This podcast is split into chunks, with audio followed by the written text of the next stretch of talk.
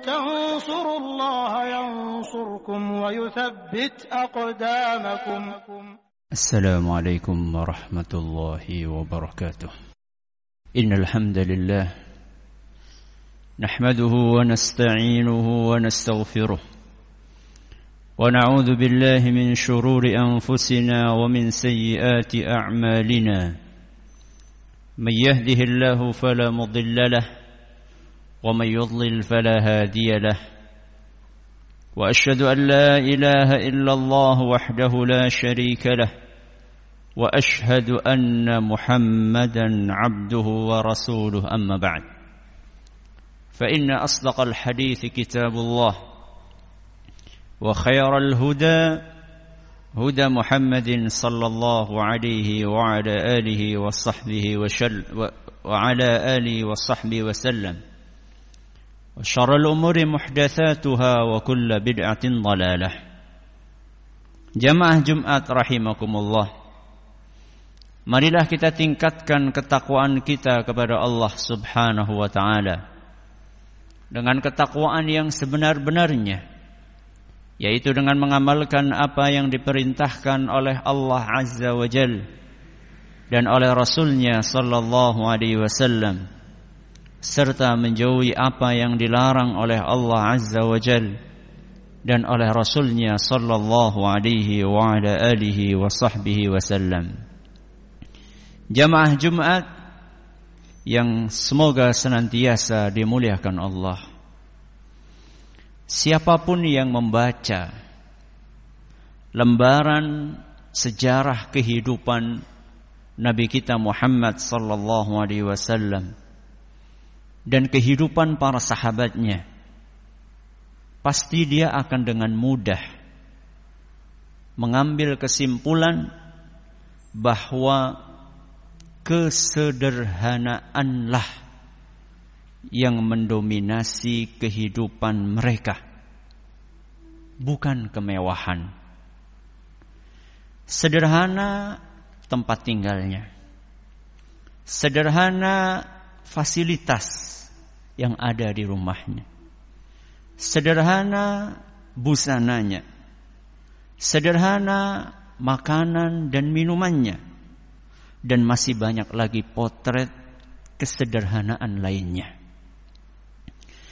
Kesederhanaan tempat tinggal mereka.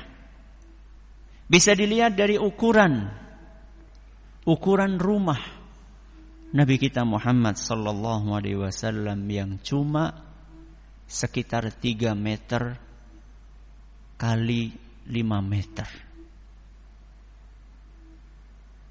Lantainya hanya beralaskan pasir. Tidurnya beralaskan tikar.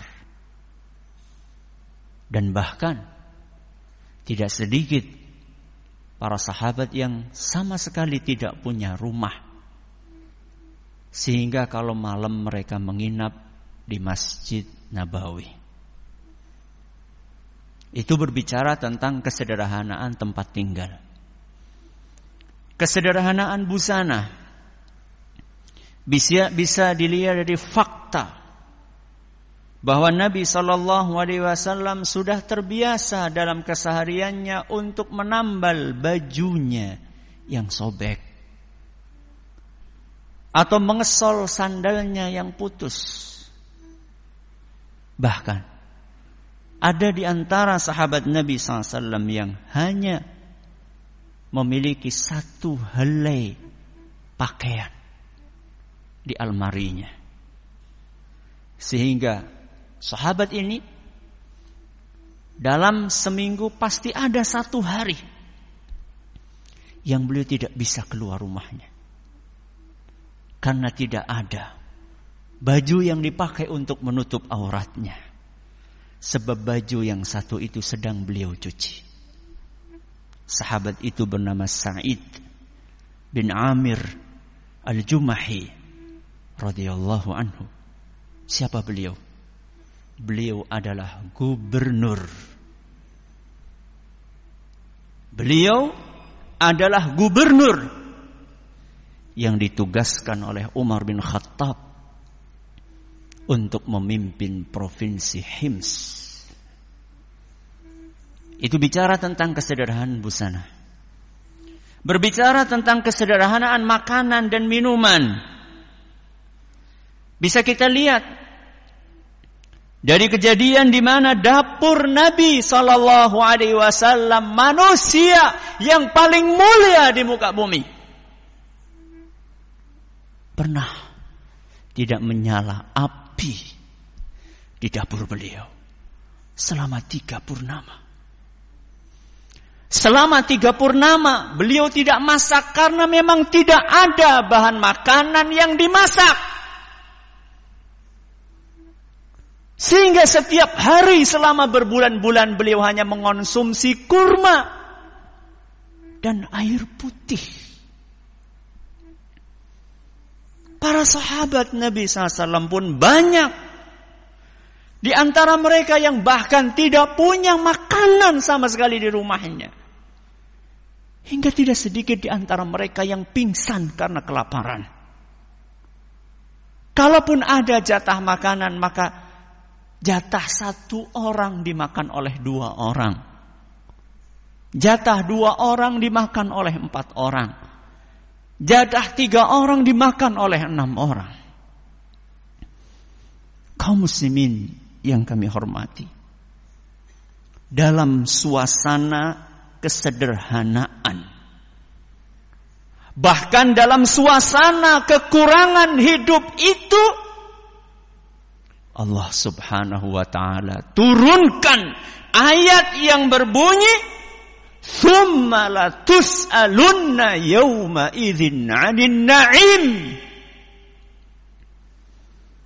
Kalian pasti akan ditanya pada hari kiamat tentang nikmat yang kalian rasakan.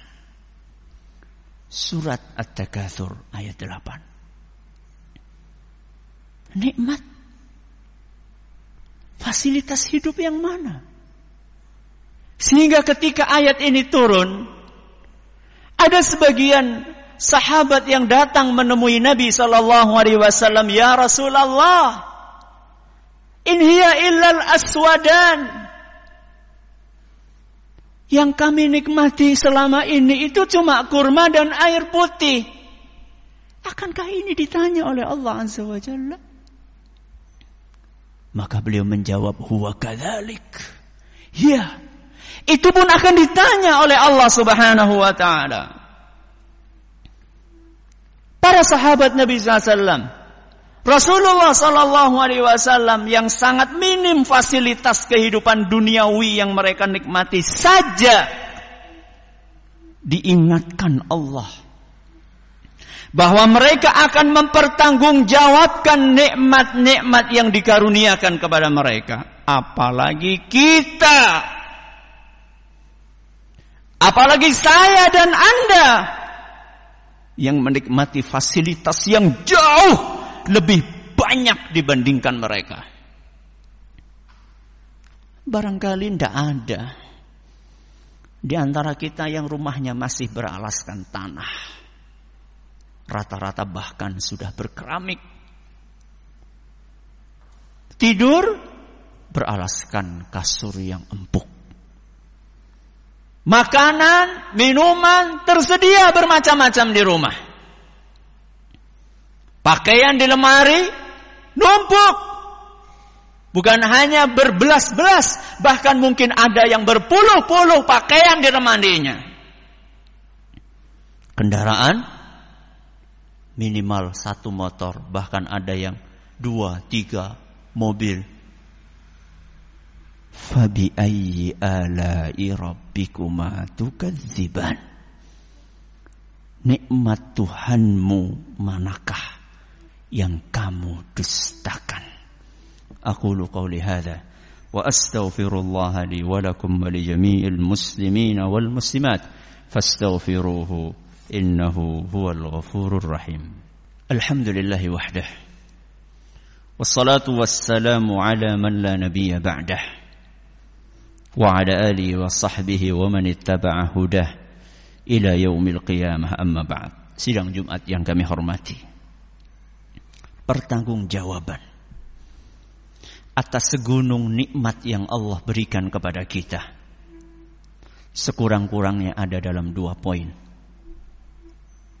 Sekurang-kurangnya pertanggungjawaban itu ada dalam dua poin. Yang pertama, min ainak tasabah. Dari mana kita dapatkan nikmat tersebut?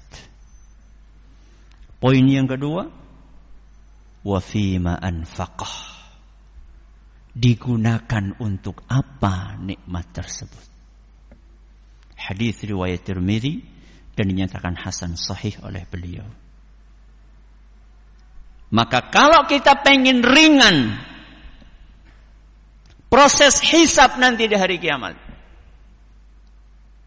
Selalu ajukan dua pertanyaan ini di hadapan kita. Dari mana kita dapatkan makanan ini? Dari mana kita dapatkan uang ini? Dari mana kita dapatkan kendaraan ini?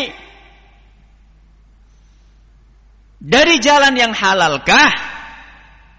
Atau dari jalan yang haram atau yang remang-remang? Suasana pandemi yang sulit ini bukan alasan untuk tidak mempedulikan halal dan haram. Pertama, dari mana kita dapatkan?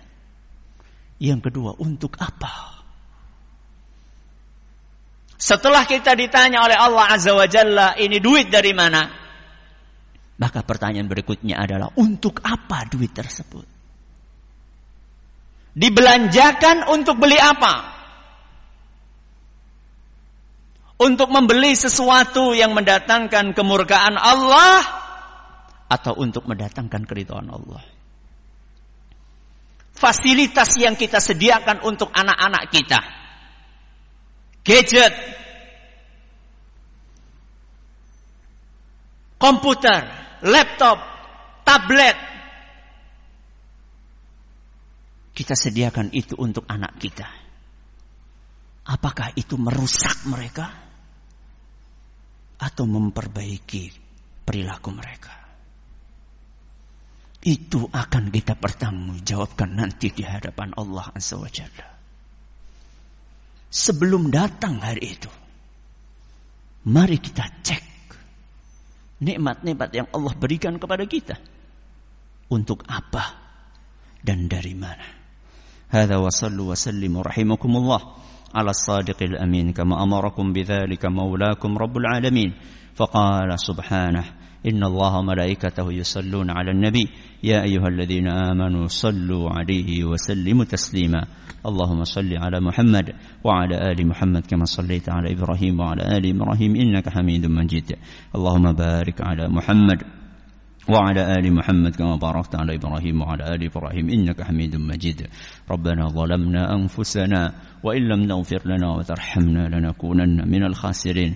ربنا اغفر لنا ولإخواننا الذين سبقونا بالإيمان ولا تجعل في قلوبنا غلا للذين آمنوا. ربنا إنك رؤوف رحيم. ربنا لا تزغ قلوبنا بعد إذ هديتنا وهب لنا من لدنك رحمة إنك أنت الوهاب. ربنا آتنا في حسنة وفي الآخرة حسنة وقنا عذاب النار. وصلى الله على نبينا محمد وعلى آله وصحبه ومن تبعهم بإحسان إلى يوم الدين. وآخر دعوانا أن الحمد لله رب العالمين.